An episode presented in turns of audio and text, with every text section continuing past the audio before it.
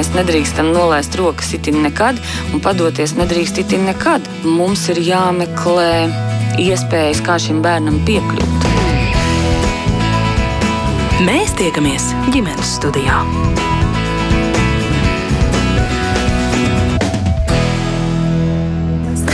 Labdien, priecājos sveicināt jūs visus ģimenes studijas klausītājus. Mans vārds ir Agnēs Linka, un šī rādījuma producente ir Ilze Zvaigzne. Nesen Latvijas izglītības un zinātnes darbinieku arotbiedrība vienota ar Latvijas izglītības vadītāju asociāciju ir iesnieguši grozījumus izglītības likumā, kas paredz paplašināt skolas direktora pilnvarus, proti dot iespēju skolu direktoriem vienpersoniski pieņemt lēmumu par skolēnu izslēgšanu, ja tas ir atkārtot emocionāli vai fiziski vardarbīgs pret citiem skolēniem skolēniem vai skolotājiem. Pret šādu ierosinājumu tūdaļ iebilda Tiesības sarga birojas, Valsts bērnu tiesība aizsardzības inspekcija, arī centrs Dārdedz. Kāda tad ir abu pušu argumenti un pretargumenti un kā vispār situācija ar vārdarbību Latvijas skolās, ievērojot visu, gan bērnu, gan pedagoģu tiesības, varētu uzlabot? To mēs diskutēsim šodien ģimenes studijā. Un sarunā piedalīties eh, laipni ir piekritušas Tiesības sarga biroja bērnu tiesību nodaļas vadītāja Lēla Grāver. Labdien! Labdien! Rīgas 40. vidusskolas direktora, viņa arī Latvijas izglītības vadītāja asociācijas valdes locekļa Jeļena Vedišķeva. Labdien! Labdien! Un Rīgas Tradiņu universitātes docētāja Labklājības un sociālā darba katedrā studiju programmas sociālais darbs ar bērniem un jauniešiem direktora Anna Broka. Sveicināta! Labdien! Un arī jūs, klausītāji, kā allaži, varat pievienoties šai sarunai. Ja jums kādas pārdomas, pieredze, komentāri, kādi jautājumi par tēmu, rakstiet mums, kā allaž gaidām jūsu ziņas no Latvijas radio mājaslapas. Tās ir iespējams nosūtīt raidījumam ģimenes studiju. Es vērsīšos vispirms ar eh, jautājumu, ja Lēna pie jums, kā pie izglītības vadītāja asociācijas pārstāvis valdes loceklis. Eh, izklāstiet, lūdzu, kāda ir tā ierosinājuma būtība, kāds tas mērķis un vajadzība pēc grozījumiem izglītības likumā. Jā, uzreiz pateikšu, ka šie grozījumi tapa nevienā dienā un nevienā naktī. Šie grozījumi tapa vairāku gadu garumā un ierosmēji kļuva konference, Livas konference, kurā mēs aicinājām arī tiesības sarga biroja pārstāvjus, bāriņu tiesas pārstāvjus, izglītības kvalitātes valsts dienesta pārstāvjus, pašvaldības policijas pārstāvjus un kuros, kurā arī mēģinājām diskutēt par jautājumiem, kā padarīt vidi, kurā mācās mūsu bērni, par drošu, kā izskaust vardarbību. Un e, mēs visi uz to brīdi jau mums bija normatīvais regulējums, ministra kabineta noteikumi, kurus mēs saucam savā sarunā 1338 par drošību izglītības iestādēs. Un šajos ministra kabineta noteikumos ir paredzēta iespēja uz vienu dienu tātad individuāli nodrošināt mācības bērnam, kas bija vardarbīgs un apdraudēja veselību vai dzīvību saviem klases biedriem. Bet, uh, diemžēl, šo gadu garumā mums neviens nevarēja atbildēt uz jautājumu, kas aizsargās bērnus, pret kuriem vērsta vardarbība un kuriem ir liektas tiesības uz netraucētu izglītības iegūšanu. Un pasvītroju, mēs šobrīd runājam par vairāk kārt atkārtotu vardarbību, kura, uh, kuras rezultātā tiek apdraudēta veselība un dzīvība citiem bērniem. Diemžēl ir jāsaka, ka šāda vardarbība tika vērsta arī pret pedagogiem. Ir valsts policijā iesniegt vairāki, sūdī, vairāki desmit sūdzību ar miesas bojājumiem, jo kas te nostāsies starp bērnu, kas met krēslu un to citu bērnu? Ja? Protams, ka iestājas skolas darbinieks. Un, uh, diskutējot un lemjot daudz un dikti, mēs vēlējāmies uh, savā. Uh, savos grozījumos apvienot, ja tā varētu teikt, eh, divas ļoti būtiskas, bērnam ļoti būtiskas arī institūcijas, ja tā varētu teikt, pašvaldība ar visu savu resursu, ar bāriņu tiesu, ar sociālo dienestu, ar psiholoģisko atbalstu un vecākus. Jo, diemžēl, kā rāda pieredze, šie ielaistie gadījumi, tie gadījumi, kuri neielokas ministru kabineta noteikumos 1338 un kuri velkas gadu garumā, kuru rezultātā no skolas aiziet bērni, aiziet pedagogi.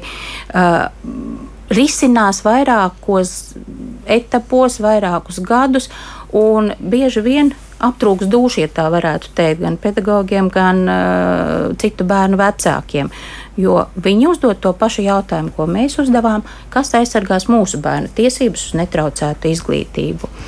Un uh, grozījuma būtība ir šāda, ka ja tiešām ir konstatēts, ka bērni vairāk kārt atkārtoti bija vardarbīgs pret saviem līdz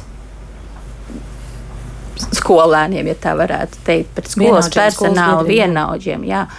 Tad uh, bērnu neizslēdz vienkārši no skolas, bet bērnu izslēdz uz izglītību ģimenē, bet ģimene nepaliek viena šajā brīdī. Ar ģimeni strādā pašvaldība, un pašvaldība sniedz atbalstu. Un tajā brīdī, kad pašvaldības atbildīgie dienesti ir gatavi pateikt, ka jā, mēs konstatējām, kādam bērnam ir grūtības, kā mēs viņam varējām palīdzēt, mēs viņam varam palīdzējām, un viņš var atgriezties skolā, mēs viņu uzņemam atpakaļ skolā un turpinam strādāt. Pie tām es vēl gribu saka, pasvītrot, ka um, karstgalvīgie mums ir vēl viena grozījuma ne tikai izglītības likumā, bet mēs ierosinājām arī grozījumus ministra kabineta noteikumos numur 11 ja, par izslēgšanu vidusskolā. Jo, Mums ir uh, norma, ka vidusskolā neobligātās izglītības posmā var izslēgt par atkārtotiem iekšējās kārtības noteikumu pārkāpumiem vai uh, skolēnu tie, uh, pienākumu pārkāpumiem. Ja, uh, par to, ka mm, gada laikā, ja tā varētu rupji pateikt, lai tas bērns atdziest un mēs viņu varam uzņemt atpakaļ. Bet tas ir vidusskolas posmā no 10. līdz 12. klasē. Kad bērns pārbauda sistēmu, ja tā varētu teikt, cik tālu viņš aizies un kāds sots viņam būs par to. Gribētu vēl pieminēt, ka mm, bieži vien šāda vardarbīga ģimene, viena bērna vardarbīga uzvedība uh, ir paraugs tādam uzvedības modelim, par kuru citi bērni jautā, kāpēc viņš var, bet es nevaru. Ja viņš sit un viņam par to nekas nav, kāpēc es nevaru sist? Ja? Un tad sākas tāds riņķa dāncis, kurā iesaistās skolas atbalsta personāls. Jāsaka, ka bieži vien skolas atbalsta personāla kapacitāte trūkst. Mhm. Vienkārši elementāri nav cilvēku, kuri varētu iesaistīties šajā darbā ar vārdarbības izskaušanu, prevenciju, Jā, Jā Jāna, man ir jums vēl viens uh, papildu jautājums, pirms, pirms mēs dodam kolēģiem vārdu. Es gribu vērsties pie, jūs nevis, pie jums nevis kā izglītības vadītāja asociācijas pārstāvs, bet kā pie uh, reālas skolas direktors. Vai jūs varat arī pāraksturot to ikdienas situāciju, kāda tā ir jūsu skolā? Jo pēcāk mēs noteikti nonāksim pie tā, ka skolas ļoti nelabprāt nes uz āru arī šos vardarbības gadījumus, un dažreiz tie nonāk līdz ļoti ekstrēmām situācijām tieši tāpēc, ka sākotnēji tiek kādu laiku noklusēti fokusēti. Kā tas ir eh, pie jums? Cik satraucoša tā situācija? Jums ir, pie, piedodiet, bet nu, labā centra, Rīgas centra skola, tepat tērba cielā jūs atrodaties, ja tur visi grib eh, mācīties. Kā tas ir pie jums? Vai kā tiešām jeb... situācija jā, ir satraucoša? Es saprotu, bet kā jebkura skola, mēs esam sabiedrības spogulis, un mums ir dažādi bērni. Man ir jāpasaka, ka, ja mēs runājam par šāda tipa bērniem, 30 gadu garumā es saskaitīju piecus tādus gadījumus, kad mēs bijām spiesti sadarboties starpinstitucionāli, un kuri varētu būt kvalificēti kā atkārtota vardarbība, kad mēs vieni paši netikām galā. Un e, pārsvarā pirmā instance, pie kuras mēs vēršamies, ir pašvaldības e, atbalsta dienests, ar kuru mēs sadarbojamies. Pēc tam mēs e, sadarbojamies ar Bērnu tiesību aizsardzības inspekciju. Un, paldies Bērnu tiesību aizsardzības inspekcijai. Pirms dažiem gadiem viņiem ir izveidota konsultatīvā nodaļa, kur var vērsties vecāki, ja viņi ir pamanījuši bērnu uzvedībā kaut kādas pārmaiņas, kuras viņiem liek padomāt par to, ka notiek kaut kas īpašs. Protams, sadarbojamies ar pašvaldības policiju, un ar pašvaldības policiju īpaši sadarbojamies arī prevencijas jautājumos. Sociālais dienests ja mums vajag vizīti mājās, ja mēs gribam pārliecināties, ka bērnam tiek nodrošināta aprūpe un bāriņu tiesa. Mm. Bet bāriņu tiesa, teikšu atklāti, tas ir tāds, nu, kā lai saka, jau instance, kura mums pievienojas, ka mēs jau starp institucionāli darbojamies. Nu, galējais risinājums. Galējais jā. risinājums. Vai situācija ir satraucoša, kā jūs teikt? Situācija ir satraucoša, kad mums ir šie ielaistie gadījumi, ja tā varētu teikt, kad bērns atnāk no pirmskolas izglītības iestādes, vecāks nepasaka, vai nu bērnam ir kādas grūtības vai nav. Mums absolūti, ja tā varētu teikt, tīra bilde, balta lapa. Ja? Un tad septembra mēnesī mēs novērojot bērnu, pamanām, ka ir traucējumi, ir kaut kādi uzvedības traucējumi, ir grūtības socializēties. Ja? Un tad, protams, ka pirmais cilvēks, pie kura mēs vēršamies, ir vecāki. Un, ja vecāki sadarbojas pat šie sarežģītie gadījumi ar individuāliem atbalsta pasākumiem, ar visu pārējo, var tikt risināti. Bet, ja vecāki nesadarbojas ar skolu vai sadarbojas formāli, tad sākas šis ilgais process, kura gaitā mēs sākam pa vienam pievienot dažādas mhm. institūcijas. Mm -hmm. Un šī situācija ir satraucoša, jo uh, ar, teiksim tā, trīs gadījumi no pieciem tie ir pēdējo piecu gadu gadījumi. Mm -hmm. Un tie ir tādi, kurus jūs citādāk uh, nesat varējuši atrisināt, ka šādi grozījumi būtu nepieciešami. Nu, ja es jums pateikšu, vienā gadījumā, ja vienā gadījumā mēneša laikā bērnam tika izsaukta divas reizes psihiatriskā ātrā palīdzība tie bērni, kuri novēro šos vardarbības gadījumus, viņi arī tiek traumēti. Mēs liksim šeit daudz punktu. Mm -hmm. Es mhm. vērsīšos pie Lailas Grāveres, tiesības sarga biroja bērnu tiesību nodaļas eh, vadītājs un eh, vaicāšu. Eh, tiesības sarga birojas uzreiz publiskoja ieskatu, ka tas nav pieņemam, ka šāda grozījuma izglītības likumā nedrīkst notikt. Kāpēc? Jā, tiesības sargs tiešām uzreiz cēla trauksmi par šo likuma projektu. E, sākotnēji likuma projektā e, šāda norma nebija paredzēta, bet šī likuma projekta mērķis, kā ir norādīts anotācijā, ir pedagoģa tiesība aizsardzība. Nevis bērnu tiesība aizsardzība. E, protams, vardarbības izskaušana un mazināšana izglītības iestādēs tas ir leģitīms mērķis. Tas izglītības iestādēm ir jābūt brīvām no vardarbības, drošai, draudzīgai vidē ir jābūt izglītības iestādēs. Bet tas ir izcināms ar citiem līdzekļiem, jo tiesības sargi ieskatā tas nav samērīgi. Mērķis ir cēls, bet piedāvātais līdzeklis ir nesamērīgs. Kāpēc? Kas tieši? Tāpēc, ka bērnam ir tiesības uz pilnvērtīgu attīstību. Tas ir fundamentāls bērnu tiesību princips ikvienam bērnam ir tiesības uz pilnvērtīgu attīstību. Ja viņa uzvedība ir tāda, ka viņš dara pāri citiem, gan vienaudžiem, gan pieaugušiem, gan citiem bērniem, tas parāda, ka bērnu tiesības nav nodrošināts. Viņam tā ir tiesības nebūt šādam ar agresīvu uzvedību. Un tā vietā, lai risinātu šos bērna uzvedības problēmas, viņš tiek izslēgts vēl arī no izglītības sistēmas. Tātad viņam ir attīstība traucēta un vēl netiks nodrošināts tiesības uz izglītību. Es gribu teikt, ka izglītība ģimenē ir sena izglītības forma ar pilnīgi citu mērķi, lai nodrošinātu izglītības pieejamību nevis lai kādu izslēgtu. Ja? Tas tiek pielietots nu, pilnīgi atžgārni. Jo, ja bērnam ir kādas veselības problēmas vai psiholoģiskas problēmas, ka viņa interesēs ir neiet uz skolu, bet izglītoties ģimenē, tad vecāki to varēja izvēlēties, joprojām vecāki to var izvēlēties kā labāko savam bērnam risinājumu. Šobrīd šī izglītība ģimenē tiek piedāvāta piespiedu kārtā ar lēmumu vecākiem, kuri to nav nevēlējušies, nespēja, ne viņiem ir tādas zināšanas, ne laiks, ne Tātad faktiski bērns tiek atstāts bez izglītības. Jo šajā laikā likums paredz eh, konsultācijas izglītības iestādē tikai vecākiem. Bērnam konsultācijas nav paredzētas. Vecākiem vienu reizi mēnesī, arī nemazāk kā vienu reizi mēnesī katrā mācību priekšmetā. Un uh, bērnam būs tikai zināšana pārbaude, neretāk kā divas reizes semestrī. Tātad bērns tikai tiks um, nu, eksaminēts, ja? viņš rakstīs kontroldarbus, pārbaudas darbus, un par izglītības procesu pilnībā atbild vecāki. Nu, tiesības sargi ieskatā tas ir nesamērīgi, tas novedīs pie izslēgšanas arī no izglītības sistēmas. -hmm. Uh, Jeļena precizējuši, es arī mhm. vairāk kārt skatījos materiālus, kas jau kopš nedēļas beigām ir bijuši citos mēdījos, un tur ieskanās, jā, ka mērķis ir aizstāvēt citu skolēnu drošību, bet grozījumu autori sākumā runā par pedagoģu aizstāvību. Jā, jo viss sākās ar pedagogiem, kuri bija cietuši bērnu vardarbības rezultātā. Mm -hmm. Tad tagad mēs runājam par vajadzību aizstāvēt pedagogus vai arī par citu bērnu tiesībām gan pirmkārt par citu bērnu tiesībām, gan arī par pedagoģu tiesībām strādāt netraucētā vidē. Ir domāts pat ne pats konkrēts brīdis, kad notiek šī vardarbība. Ja, ministra kabineta noteikuma 1338 paredz, ka uz vienu dienu mēs bērnu varam izslēgt no mācību procesa klasē, nodrošināt viņam individuālu mācību procesu.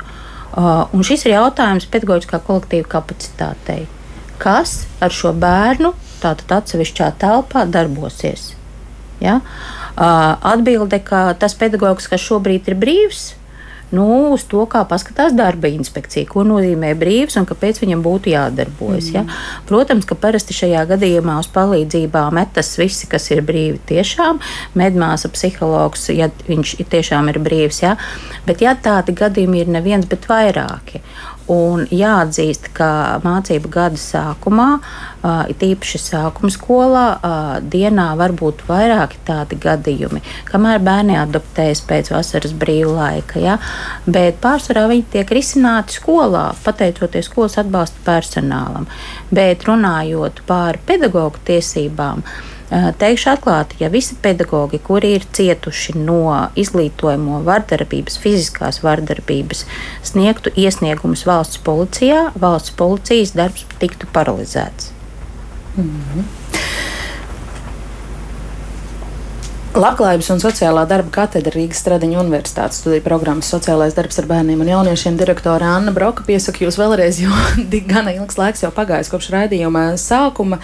Anna, kāds jūsu redzējums par šo diskusiju? Kā ar kādu vērtējumu jūs to visu klausāties? Vispirms es gribētu teikt, ka es absolūti piekrītu tiesību sarga biroja paustajam viedoklim pilnībā un galīgi. Te nevar būt runa par kaut kādu atsevišķu bērnu izslēgšanu no vienlīdzīgas izglītības nodrošināšanas. Tas ir ne tikai jautājums par izglītību vispārīgā formā, bet par vienlīdzību, vienlīdzīgu attieksmi, tas ir arī ārkārtīgi pretrunā ar šī brīža pamatnostādnēs izglītības pamat. Nu, izglītības virsmērķī pausto virzoties uz iekļaujošo izglītību. Tātad, ja mēs visus bērnus, kam ir kaut kāda veida atšķirīga uzvedība, traucējumi, agresīvas izpausmes, tas ir formulēts pēc izglītības darb, darbinieku viedokļa, bet mums ir citi termini, ko mēs piemērojam, ka tur varētu būt kaut kādas diagnozes, kas ir iemesls.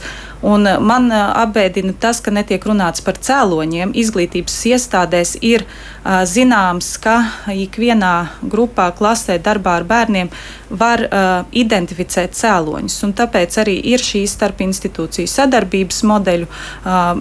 Modeļi, ka, kur ir jāpiemēro šajos gadījumos.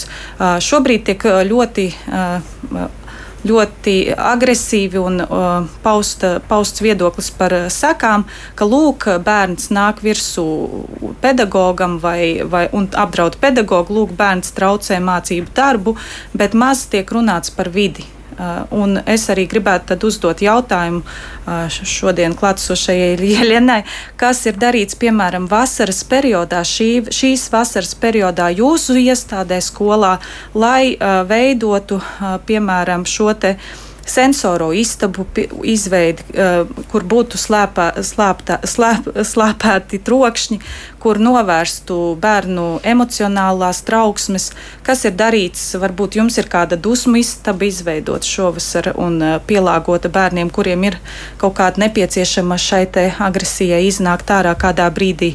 Varbūt jums ir citi veidi pielāgojumi veikti, lai, lai, uh, lai varētu veikt uh, nu, pilnvērtīgu darbu ar bērniem, kuriem rodas kādi emocionāli traucējumi. Nerunājot par profesionāļu izglītošanu, apmācībām, to visu es zinu, tas ir vairāk vairāku jau, es teiktu, desmit gadu garumā vismaz, kad jūsu pedagogi apgūst visas prasmes, kas attiecās uz to, kā novadīt eh, dusmas, kā novadīt agresiju un tā tālāk. Eh, par to es vispār nerunāju. Par komandas darbu arī nē, bet vairāk par šo skolas vidi. Eh, kā varētu, kā mēs varam ķerties klāt arī fiziskajiem pielāgojumiem, kas varētu palīdzēt jums jūsu darbā ar bērniem. Nu jā, Anna drusku pārņēma manu darbību, bet varbūt, ka Jeļena tad radīs iespēju īsi. Jā, ļoti īsi. Es absolūti piekrītu Annai, ka šādai iespējai ir jābūt, ka ir jābūt kādai vietai, kur bērns spēj izpaust savas dusmas, ja, izšļākt, ja tā varētu no sevis visu. Bet eh, darbs tiek veikts varbūt nepietiekamā apjomā, jo tas arī prasa ieguldījumus no pašvaldības puses. Bet varu teikt par, konkrēti par savu skolu, ka pēdējos trīs gadus mēs ļoti cieši strādājam ar sociālo emocionālo audzināšanu. Ir vesels bloks ar emociju atpazīšanu, mm -hmm. ar emociju pārvaldīšanu, Un šis darbiņš sākas jau ar pirmo klasīti. Mēs negaidām līdz septītai, kad jau nu, teiksim, tā emocijas ir izpaudušās tik tālu, ka vairs nav kur. Mhm. Bet man vēl viens papildu jautājums Annai ir, eh, kā jūs redzat šo situāciju, ko kolēģi raksturo, ka tā starp institūciju sadarbība mm. ir, bet situācija ir satraucoša un tiešām cieši eh, ne tikai pedagogi un ne tikai paši eh, vardarbības epizodēs iesaistītie bērni, bet visa šī klase, visi līdzbiedri. Es, es ļoti labi saprotu, par ko ir runa. Es ļoti labi apzinos arī šīs dažādas diagnozes, dažādība vispār kā tāda. Mēs nevaram ignorēt, ka mums, mums nevis nevaram ignorēt, bet mums beidzot ir jāpieņem, ka bērni šobrīd ir visdažādāki un īpaši COVID, pēc Covid pandēmijas ir visiem zināms, ka mentālie, psihiskie, neiropsihiskie traucējumi ir palielinājušies bērnu un jauniešu vidū. Un tas noticis nevis skolas vides krīzes eh, dēļ, tikai nepieejamības dēļ, bet arī noticis tam dēļ, ka šāda te, uh, spriedze ir ģimenēs. Tas nozīmē, ja mēs pieņemam šādus grozījumus un ievietojam bērnu šajā ģimenē, kur ir uh, spriedze, uh, Un mēs jau tagad varam paredzēt ekonomiskās eh, krīzes, pieaugušās energo krīzes gaidāmās uh, dēļ. Uh, mēs, mēs visnotaļ sagaidīsim vēl lielāku emocionālo spektru arī skolās. Tam ir jāgatavojas. Pedagogi to jau zina. Tas, tāpēc es arī jautāju, zinot šos priekšnosacījumus, kā mēs domājam saķerē ar, kaut vai ar iekļaujošo izglītības um, virsmērķi, kā mēs domājam par skolas vides pielāgojumu. Mēs ne, es saku, es absolūti nenoliedzu un, un piekrītu tam, ka jūs sadarbojaties, un tas ir ļoti svarīgi un vajadzīgs. Bet man šķiet, ka tieši šobrīd ir īstais brīdis ķerties pie šī. šī fundamentāli svarīgākā uh, punkta par atbalsta personālu, Ja? Tas nozīmē nevis eh, sešiem bērniem vien, eh, starp 30, bet ir jābūt mazām uh, grupiņām, iekļaujošām grupiņām, viens, divi, uh, divi cilvēki ar jautājums par, par dažādiem uh, gru, smaguma pakāpēm. Ja? Bet, bet ir jābūt atbalsta personālam, ir jābūt šiem te uz vietas pieejamiem ikdienu, nevis vienreiz konsultācija mēnesī vai divas reizes konsultācija trīs mēnešos. Mm. Tas ir viens. Un otrs ir par šo te uh, telpu. Mūsu visas izglītības iestādes tik, tikko ir renovētas, uzlabotas, pielāgotas cik lielā mērā ir vērtēts tieši šī pielāgojamību, ietekme uz bērniem ar sensoriem, jūtīgumu, mentāliem, psihoneirotiskiem vai, vai jebkādiem emocionāliem traucējumiem. Kurš būtu tas, kurš varētu vērtēt un norādīt, ka tādām telpām tur bija jābūt vai būtu jābūt? Es gribētu atgādināt, ka mūsu, mūsu valstī ir ļoti daudz ekspertu, kas ļoti labi zina, kādiem jābūt iekļaujošās izglītības vai iekļaujošās vides pielāgojumiem. Mm. Nu, tiem būtu neatkarīgiem ekspertiem. No tie var būt arī nevalstisko organizāciju pārstāvji, kas var sniegt ļoti, ļoti precīzu informāciju, kā labāk. Tie var būt pat vecāki eksperti, mm. kas var pateikt, ziniet, manam bērnam ir piemēram trokšņi, viņ, viņš nevar iet uz sporta nodarbībām, tāpēc, ka troksnis zālē akustika ir tik liela, ka, ka viņš ne, nespēja nodarboties ar troksni, un tas izraisa viņam kaut mm. kādu emocionālu diskomfortu diskomfortu, tad tas var būt arī eksperts vecāks. Nav jau teikts, ka vajadzīgi ārkārtīgi būvi inženieri, bet, mm. bet jābūt nu, jā. viena, vienai, vienai platformai, kur, kur varētu izdiskutēt. Un tajā brīdī, kad skola grib veidot šo sensoro istabu, tad arī zinot tos bērnus, kas tur ir, uh, sociālajiem dienestiem, starp citu, ir ļoti labi izvērtēta informācija par uh, deinstitucionalizācijas plāna ietvaros nodrošinātajiem uh, sabiedrībā balstītiem pakalpojumiem un bērniem tieši kādas, kādas kādas nepieciešamas vajadzības ir te, šī, šai te grupai, nerunājot par visu pārējo. Es, uh... Radījuma sākumā aicināja klausītājus iesaistīties, un viņi aktīvi to arī dara. Dažus eh, komentārus nolasīšu. Uh, Arnis raksta, vai gadījumā šeit netiek aizstāvētas agresora, bērna vardarbības izraisītāja tiesības, kāpēc netiek aizstāvētas cietušo citu bērnu un pedagoģu tiesības. Silze saka, ka viņa raksta mums pirmo reizi, bet šoreiz nevarēja nerakstīt. Esmu trīs burvīgu bērnu māma un mana darba vieta jau gadu ir izglītības iestāde. Esmu ieguvusi trīs augstākās izglītības, bet par labu darbam skolā, skolotāja amatā nosvēros sirds aicināti. Bet cik bieži ar asarām acīs atgriežos mājās, jo man tik ļoti sāp nežēlība, kāda tiek vērsta pret bērniem, kuri uz skolu nāk iegūt zināšanas, bet tiek pazemot, izsmiet un traumēti dažu individu dēļ. Viņiem ir ļoti ierobežotas vai liektas tiesības uz izglītību, uz kvalitatīvu un mierpilnu vidi skolā. Protams, tas skar arī pedagogus, bet mani bērnu ciešanas sāpina visvairāk, tā raksta mm, Ilze un uh, Iveta vaicā, ko darīt situācijā, kad bērnu dārzā agresīvs bērns met citiem ar krēslu, spārda mēbeles, apdraud citus bērnus un pedagogus, bet bērna vecāki problēmu nesaskata. Pārunas ar vecākiem ir veiktas vairāk kārt. Sociālais darbinieks ir pieaicināts, kāds ir risinājums, kā piespiest vecāku meklēt palīdzību. To pedagogs viņu vietā nevar izdarīt. Ģimenes studija vaicāja viedokli arī Latvijas izglītības un zinātnes darbinieka arotbiedrības vadītāja Ingai Vanagai, jo arī šī arotbiedrība ir viena no mm, grozījumu virzītājiem, un ieklausīsimies Ingas Vanagas teiktajā tagad brīdi tās situācijas kļūst ar vien uh, biežākas un arī nu, smagnējākas. Gan emocionālā, gan fiziskā vardarbība, no kuras cieši gan skolēni, gan arī skolā strādājušies kolektīvs kopumā. Tāpēc uh, mēs uzskatām, ka pieaugušajiem, kuri strādā dažādās citādākās institūcijās, kuriem ir jānodrošina arī bērnu šī gan drošība, gan arī, protams, izglītība, ir jābūt aktīvāk iesaistītām. Un, uh, tad, ja direktors gadījumā pieņem šādu lēmumu, tas jau nozīmē to, to, ka visas citas metodas jau ir uh, izmantotas, ja, un ka citas izējas vairāk nav. Tas tad arī nozīmē, ka vienalga, vai tas ir sociālais dienas, pašvaldības ja, kompetenci atbildīgās institūcijas, kad arī tām ir jāpiesaistās. Un, protams, arī sadarbībā ar ģimeni, kur nedrīkst pieļaut, ja, ka lai bērns ciestu, uh, arī vecāku līdzatbildību. Ja. Nu, nevar turpināties tā, ka skola ir visatbildīgākā par šīm situācijām un ir šī nesodāmība. Ja, tā izplatās, diemžēl tā izplatās. Un pateikt, skola tik tiekat galā un uz skolas tas vislielākais sloks, tāpēc, kad arī citur trūks šo darbinieku, tas ir jāpārtrauc. Nevar arī tā tas palikt. Bet uh, tas nebūs tā, ka tas direktors vienkārši pie pirmā sīkuma varēs pieņemt šādu lēmumu. Nebūt, nē, ja, tas arī būs diezgan ciešā uzraudzībā un no izglītības kvalitātes valsts dienas uzraudzība tiks nodrošināta.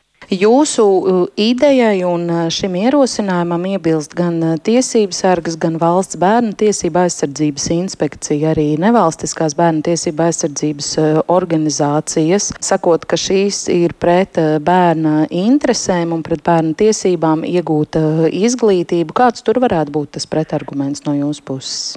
Jā, redziet, mums jau vairākus gadus atpakaļ bija tieši sanāksme, kur mēs kopā ar direktoru organizāciju aicinājām arī visas jūs nosauktās un vēl citas institūcijas, lai runātu un meklētu kompromisus. Ar runām, jā, un ar šādām atrunām un arī ar nosodījumu mēs arī toreiz saskārāmies, bet redziet, mēs vēlētos arī, lai šīs pašas institūcijas domātu arī par tiem citiem skaitliski vairāk skolēniem par viņu drošības sajūtu, kā viņi jūtas, ja, cik viņi emocionāli droši jūtas klasē, skolā vai dodoties uz skolu.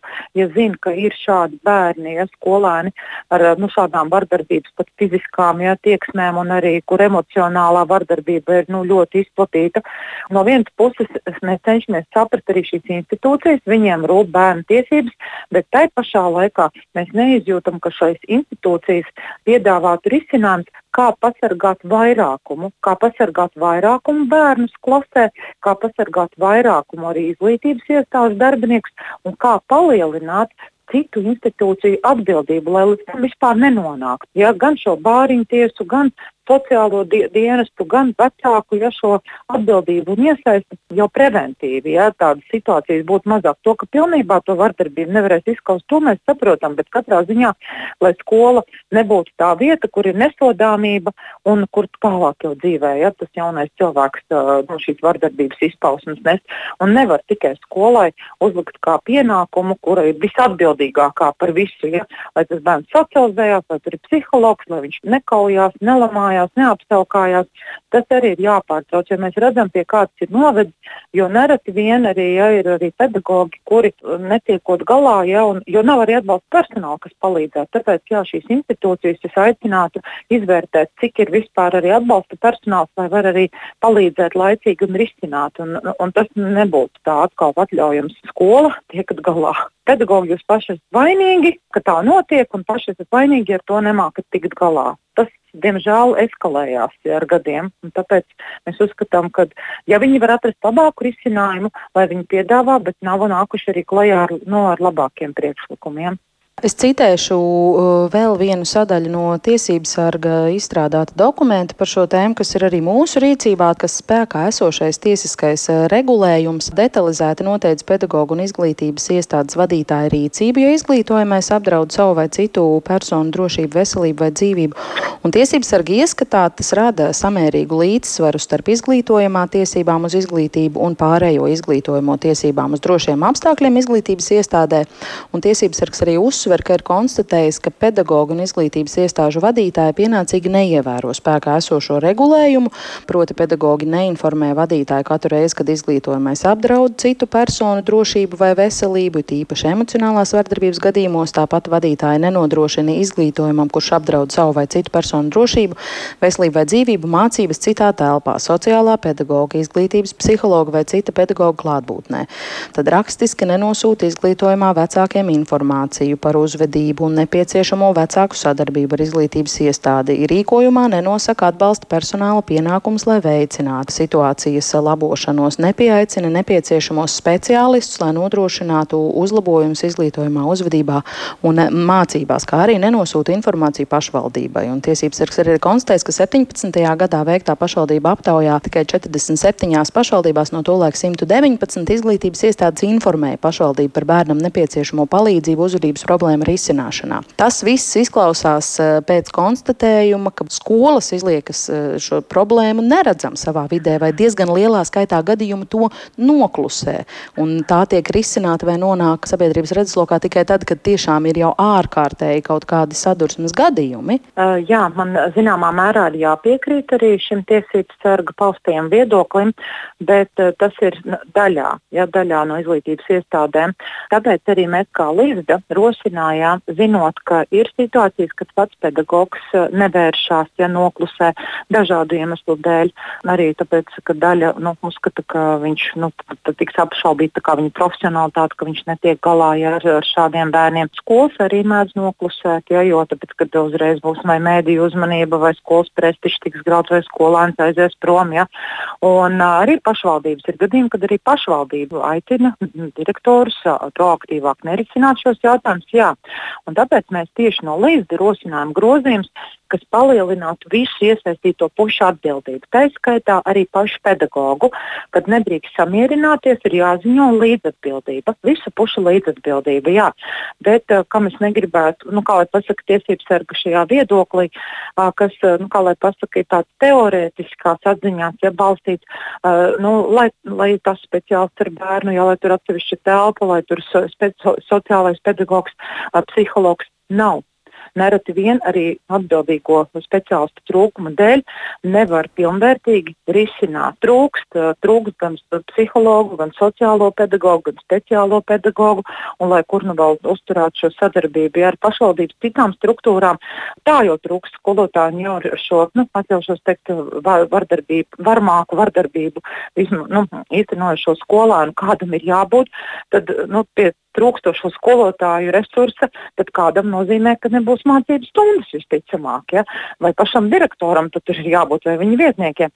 Un arī tie visi normatīvi un iekšējās kārtības noteikumi nevienmēr tos var īstenot tā, kā gribētos dažādu šo cilvēku resursu trūkumu dēļ. Ja? Bet vai tad nesenāk, ka tad to atbalsta personāla trūkumu skolās jau ilgadīgo mēs tagad risinām, dodot pilnvaras vieglāk izslēgt skolēnus? Bet, ja izvēle ir starp to, ka mēs nevaram nodrošināt eh, skolēnu vairākuma drošību, ģimene neiesaistās, ja, un pret kolektīvu arī, pret, gan arī pret tehniskiem un pedagoģisko personālu ir šī vardarbība, tad uh, mūsu redzējums arī būtu tāds, ka lēmums jāpieņem uh, par labu vairākumam, bet te pašā laikā, protams, nedrīkst atstāt situāciju tā, nu, saka, pašplūsmā, kur nu, ne, nu, ne, nesakojot tam, vai uh, bērnam vienalga, vai viņš ir turīgā ģimenē, vai, uh, vai nu, dažādi ienākumi, ja, vai maznodrošinātā vai nelabvēlīgā, nedrīkst pieļaut situāciju, ka par bērnu nav, netiek turēta rūpe, netiek sekots, kas ar viņu notiek tad, kad viņš ir mājās. Ja mēs arī nevaram pieļaut, ka arī tur pret viņu varbūt par to, ka ir tāds lēmums pieņemts, vai arī mājās pret viņu nav vardarbība, ne fiziskā, ne emocionālā, vai, vai kaut vai, ja, ja tur ir, nu, saka, šīs nelabvēlīgās ģimenes, vai arī nav tā, ka viņš paliek pat elementāri bez veselīga kāda uztura. Tāpēc ir nu, šīm visām iesaistītajām institūcijām jāsadarbojas. Bet, uh, kā jūs teicāt, vai tagad ir jāpieņem tāds lēmums, jo trūkst atbalsta personāla, ja tas ir ilgstoši, ja, un uh, ja ir jāsaskarās ar uh, šādām situācijām, vairākuma drošība ir apdraudēta, tad, acīm redzot, ir nu, brīdis, kad, kad jāpieņem arī šādi lēmumi. Bet mums izglītības iestādē ir svarīgi, ja, lai arī ar to nesamierinamies un atkal tikai uz skolotāju pleciem. Varbūt pēc šādiem grozījumiem arī citas institūciju atbildība un iesaiste būs, kā saka, vēl izvērtēta. Ja.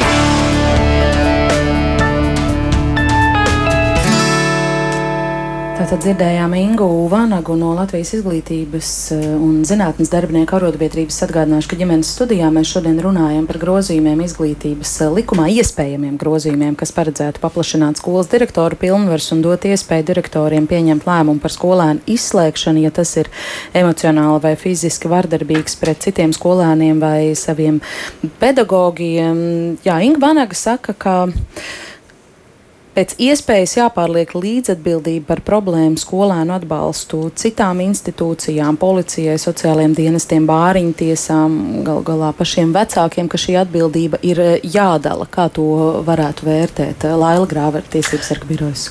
Es šajā komentārā saklausīju tā, ka skola nepilda to, ko likums noteica nenodrošina to, kā ir jābūt mācības citā telpā un atbalsta personu piesaistīšana. Un tā rezultātā mēs izslēdzam bērnu no izglītības sistēmas, tāpēc ka viņam nav nodrošināts tas, kas skolā ir likumā pateikts, kas ir jānodrošina. Mm. Nu jā, par atbalsta personāla trūkumu runājam gadiem. Es šeit eh, ģimenes studijā sēžu nu jau 11 gadus un ļoti regulāri dzirdu to, ka atbalsta personāla skolās trūkst katastrofāli, un jo īpaši tā situācija laikam ir sāsinājusies pēc tam, kad mēs esam pārslēgušies uz iekļaujošās izglītības eh, pieeju.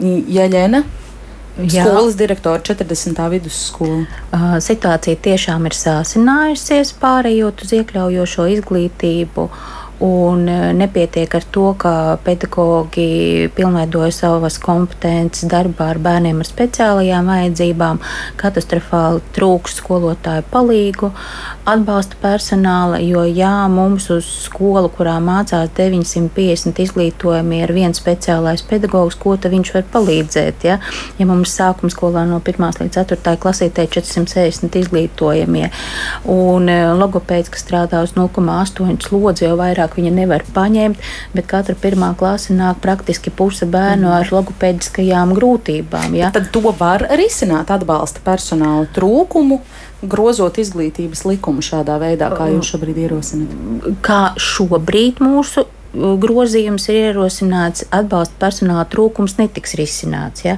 Jo atbalsta personāla trūkumu ir jārisina pirmkārt ar līdzekļiem, kuri tiek piešķirti atbalsta personāla piesaistēji un uh, pēc būtības atbalsta personāla sagatavošanai. Jo šobrīd man ir skolā logopēda vakance, meklēju baidos, ka uz 1. septembrī es palikšu vispār bez logopēda. Un, ja es jūs lūgtu atbildēt uz uh, Lailas Grāveres repliku, ka skolas vēlas uh, pārkāpt skolēnu tiesības, tāpēc ka nevar likumā noteiktās prasības izpildīt? Uh, Grāvers kundze varēja saklausīt šajā komentārā tieši tādu intenciju. Uh, es pateiktu drusku savādāk. Es sadzirdēju šajā komentārā to, ka skolas nevar izpildīt ministru kabineta noteikumos noteikto regulējumu personāla trūkuma dēļ. Bieži vien, bet nevienmēr. -hmm. Jā. Labi. Bet skolā es neredzu nekādus tiesiskus šķēršļus pašvaldībai algot šo atbalsta personālu, kurš ir netik kvalificēts kā, piemēram, logopēds. Jā, varbūt ir grūtības atrast to speciālistu, bet, piemēram, pedagoģu palīgi ja, vai skolotāju palīgi. Tur nav nekādas augstās prasības. Tur ir jābūt gribai pašvaldībai ar tādas algot, tik cik ir nepieciešams. Mhm. Ir arī vēl jābūt cilvēka aicinājumam iet strādāt par skolotāju palīgu. Bet jautājums, vai viņi ir aicināti vispār? Anna, ko jūs sakāt par to uh, Vanagas kundzes ierosināto atbildības izpētību? Izbalansēšanu starp skolu un citām e, institūcijām, kas šajā starpinstitūciju sadarbībā ir iesaistītas. Kā mēs noskaidrojam raidījuma sākumā, kā Ieļena teica, ar to nepietiek. Mēs sadarbojamies ar visiem uz visām pusēm, vienalga nevaram atrisināt. Es gribētu vērst uzmanību uz to ekonomisko pamatojumu. At, gadījumos, ja bērns tiek izslēgts uz noteiktu termiņu no skolas, uz noteiktu laiku no skolas, tā tad izmaksas uz šo vienu bērnu, pedagoga braukšana uz mājas visdrīzāk, ja? tā tad apmeklēšana vai arī attālināt, tas var būt ietaupīšana, mm. pat tik tālu. Tur nekas nav, nav paredzēts. Tad, tas nav padomā, tad nav tāds tā kā māja apmācība modelis, ja?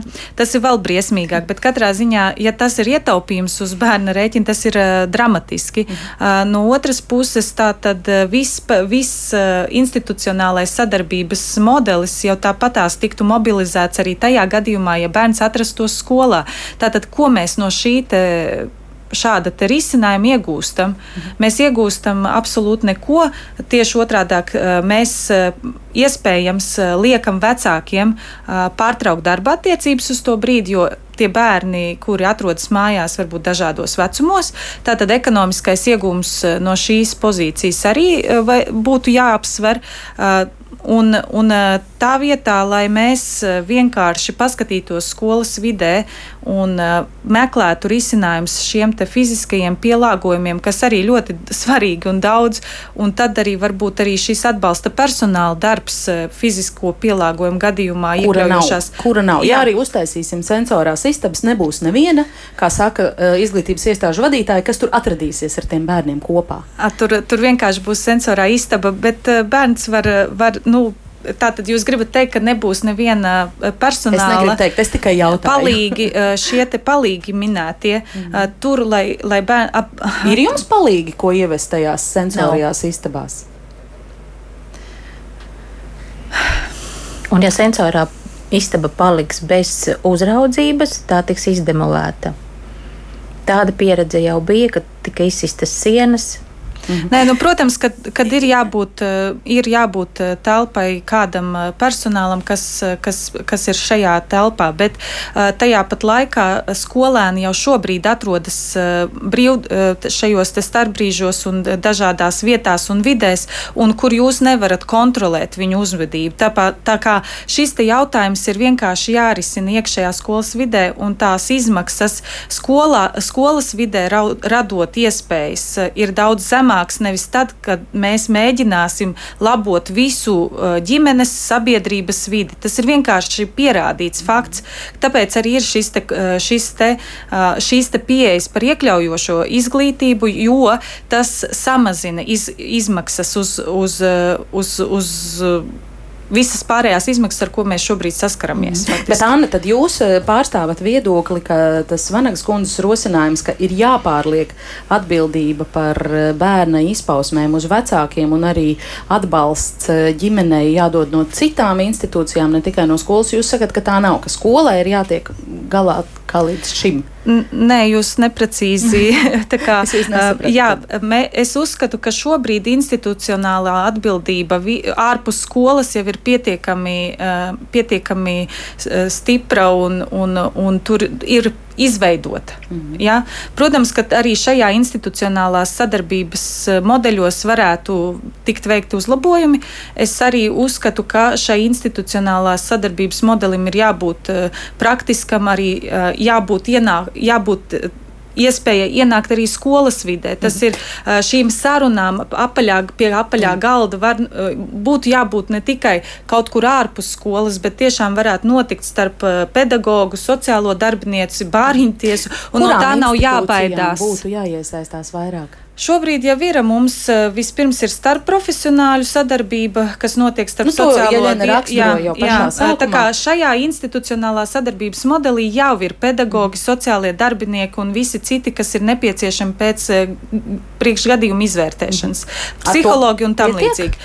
Bet Otrs ir starp, tātad starp profesionāli, un tad ir starp institucionālā sadarbība. Tas ir vēl viens modelis, kur jau ir sadarbība starp izglītības, labklājības vai sociālo dienestu un iespējams bērnu tiesību inspekciju un vēl kādu citu institūciju.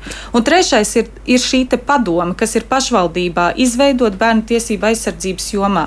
Tātad mums ir trīs institūcijas, kurās strādā profesionāļi, kompetenti, izglītojušies profesionāļi. Tātad Tad jautājums ir par to, kas notiek, kāpēc šie institucionālie modeļi nav atbalsta mehānisms skolu vidē. Jā, jā, to jau es jums jautāju pašā redzējumā, sākumā, bet, kad jūs bet, runājat par sensorijām. Es, es jau nezinu, bet jums ir kaut kāda daļēja atbild uz to, kāpēc. Tad? Es kurš, domāju, tad nes, kurš tad nedara savu darbu? Es piekrītu šim izskanējušam komentāram, ka, jā, ka, ka tomēr ir jāpaskatās arī iekšēji, kur, kādēļ pastāv šī problēma, ka pedagogs nevar runāt par uh, problēmu jau saknē vai cēlonī, kāpēc pedagogs baidās aiziet pie vadības un, un meklēt risinājumus. Es tiešām neesmu uh, kompetenti un tiesīga vērtēt pedagoģisko sadarbību iekšējā mm. vidē, bet es domāju, ka ja mēs visi varēsim sarunāties kopīgi pie viena galda, tad arī risinājumi nāks un arī atbalstu no, no pašvaldībām. Nevar teikt, ka visas pašvaldības ir eh, vienlīdz nabagas vai mm. bagātas. Ja? Jā. Mums ir ļoti dažāda situācija.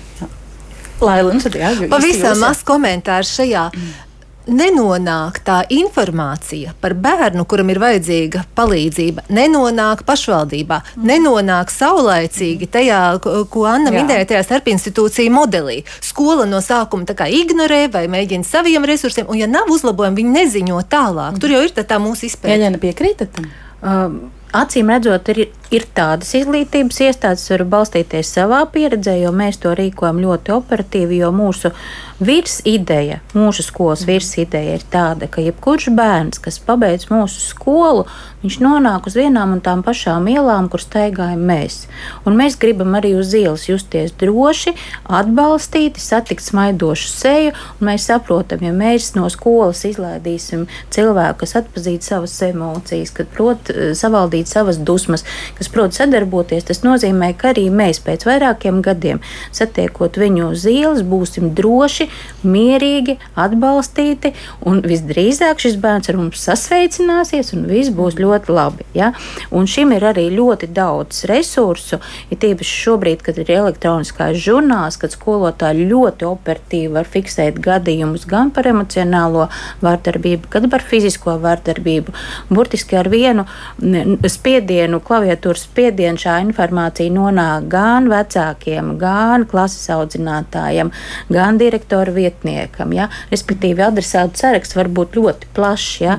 Sociālajiem pedagogam ir ļoti ērti pārbaudīt uzvedības žurnālu, kontrolēt kavējumus. Ja? Šo resursu ir ļoti daudz, bet es atkārtoju, mēs runājam par tiem gadījumiem, retajiem gadījumiem, kas neielokas 13, 38 un kur vecāku sadarbība ir minimāla, formāla vai vispār kur nav. Es tieši gribēju vaicāt, vai šis nav uh, tāds veids, kā patiesībā uh, daudz lielākā mērā likt aizdomāties pašiem vecākiem, kāda tad ir tā viņu līdzatbildība par bērnu izpausmēm uh, skolās. Tā nav? Tas būtu ļoti jauki. Tas būtu ļoti jauki, jo līdzinējā pieredze rāda, ka vecāki saprot problēmas būtību, kad viņi neatsakās meklēt cēloņus, kad viņi sadarbojas ar skolu. Jā, tas nenotiek vienā naktī vai vienā dienā, paiet laiks, bet ir jūtami uzlabojumi. Es piekrītu uh, saviem uh, diskusijas uh, biedriem, ka uh, Mūsu republikā, diemžēl, ne, ļoti ātri mēs varam nokļūt pie vairākiem speciālistiem. Ja? Bet, ja vecāki uz to strādā, ja viņi ir gatavi meklēt cēloņus, kāpēc bērns ir agresīvs, viņi nenonāk šo grozījumu kontekstā. Mhm. Lēla? Es jums gribētu oponēt, jo es to likumu lasu tā, kā tur ir rakstīts. Un tur ir rakstīts, ka varēs lemt par izglītību ģimenē, ja izglītojamais atkārtot ir pieļāvis emocionālu vardarbību. Skaļi skan emocionāla vardarbība, bet, ja mēs skatāmies pēc satura, tas ir, nozīmē pašcieņas aiz, aizskaršanu. Teiksim, ja viņš divreiz kādu ir aplamājis vai kā necienīgi izteicies, viss, viņš jau divreiz ir pieļāvis emocionālu vardarbību. Viņš to var 40 minūšu laikā, vienas stundas laikā divreiz pieļaut emocionālu vardarbību. Un viss, un tas dod iespēju viņu izglītot ģimenē. Tas ir ļoti viegli izdarāms, šā, tā kā tur ir rakstīts šajos uh, likumprojektā. Īsi, īsi minūtes skrien pēdējās. Jā, es gribētu arī piekrist paustiem viedoklim, ka nevar būt vienpersonisks lēmums, gala lēmums, kas ir direktora personā pret eh, speciālistiem eh, un citiem eh, ekspertiem, piemēram, kā, kā tad direktora lēmums pretnostatīt pret, piemēram, profesionālu sociālā darbinieku vai psihiatru vai veselības aprūpas speciālistu viedokļiem, ka viņa viedoklis būs augstāk stāvošs ja, tādā šajā gadījumā. Bet tad pavisam īsti, burtiski varbūt pāris teikumos, nu rezumējot, lai tā situācija nesaglabātos tāda, kā šobrīd izglītības darbinieki raksturo, ka tiešām dažkārt ir skolēns, ar kuru problēmas ir ilgstoši un neatrisināmas, un tad viņam ir tas tā pārliecība, ko tu man padarīsi. Kā tad, ko šajā sistēmā pamainīt, nu, ko tad labot, lai tas kaut nedaudz strādātu? Es teiktu, skolām precīzi ievērot 13.38 noteikumus par to noteikto kārtību. Precīzi. Katru reizi, kad konstatē pārkāpumu, precīzi darīt to, ko likums paredz darīt. Un jau situācija uzlabosies. Jūsuprāt, Anna? veltīt līdzekļus, laiku, resursus tieši šī, šo atbalsta pasākumu pilnvei, pilnveidošanai un arī fiziskās vides, piemērotas fiziskas vides radīšanai. Es beigšu ar eh, Raivo komentāru, jo klausītāji tiešām ir desmitiem vēstules mums atsūtījuši, un vairs es visas eh, nepagūšu, diemžēl, nolasīt, bet eh, temats tā tad aktuāls sabiedrībā, un noteikti pie šī ģimenes studijā mēs atgriezīsimies. Bet Raivo raksta, kāpēc nepacelt galvas un nepārņemt sistēmu, kas darbojas citās valstīs. Abi mani bērni mācās Norvēģijā pamatskolā. Skolās bērni ir dažādi un tiek mēģināti iekļaut visus, bet skolām un skolotājiem notiek cieša sadarbība ar vecākiem, kā piemēram ir kopīgi kopējas vecāku sapulces un bērnu izaugsmes sapulces, kuras ir divas reizes gadā un tiek pārunāts viss, kas ir saistīts ar jūsu bērnu. Ja bērnam ir problēmas ar uzvedību vai mācībām, tad skola kopā ar vecākiem problēmu mēģina atrisināt ar speciālistiem attiecīgajā jomā. Piemēram, skolotāji attiecīgajā priekšmetā, psihologi un tā tālāk. Ja vecāki neiesaistās sadarbībā, tad piesaistās attiecīgās iestādes. Tā raksta Raivo. Nu, protams, mēs zinām, kā iesaistās at atbildīgās Norvēģu iestādes, kā mūsu pašu valsts piedarīgie dažreiz eh, cieš eh, no tā, kāda ir viņu paša attieksme pret bērniem un kas notiek, ja tiešām vecāki neiesaistās šajā sadarbībā. Un zinām arī, kā labklājības valstī eh, un Skandināvijā ir ar atbalsta personāla pieejamību. Ja Ļena, jums minūti vēl varu pēcvārdam, tad uh, dot. Jā, e, es gribētu šobrīd izmantot šo situāciju un vērsties tiešām pie vecākiem un pateikt, ka mums ir kopīgi bērni. Tie nav tikai viņu bērni, tie ir arī mūsu bērni. Un, lai mēs varētu panākt rezultātu ne tikai izglītībā, bet arī uzvedībā, mums ir kopīgi jāstrādā. Un jāstrādā vecākam un skolai. Nevis vecāka juristam, kas raksta uh, entās vēstules, pamatojot, ka bērni tā nebija uzvedība ieradies, ja, ka skolotājiem kaut kas likās vai meklēja skolas iekšējās kārtības noteikumos nepareizo komatu nepareizajā vietā. Ja. Bērnam tiešām, es piekrītu Annai, arī vienmēr jāatrod cēlonis, jo bērns ne no tā, ne no šā nekļūst agresīvs. Un labāk mēs patērēsim savu laiku un spēku, meklēsim cēloni, meklēsim iespēju atbalstam. Un es ļoti ceru, ka šie īpašie gadījumi, kas neielokās 13, 38, ies mazumā, ja mēs tiešām sadarbosimies. Paldies par sarunu ģimenes studijā. Es šodien teikšu Rīgas 40. vidusskolas direktorai, arī Latvijas izglītības vadītāja asociācijas valdes loceklē Jeļenē Vedišķevai, arī Tiesības sarga biroja bērnu tiesību nodaļas vadītājai Lailai Grāverei un Rīgas Stradiņu universitātes docētājai labklājības un sociālā darba katedrā studiju programmas sociālais darbs ar bērniem un jauniešiem direktorai Annai Brokai. Paldies, ka atradāt laiku atnākt šodien pie mums uz ģimenes studiju. Šo redzējumu veido Ilza Zvaigznes, Kārlis Kārlis Rašmans un es Agnes Linka. Ģimenes studiju klausieties arī podkāstos mūsu mobilajā lietotnē un sekojiet mums eh, sociālo tīklu kontos uz sadzirdēšanos. Ģimenes studija.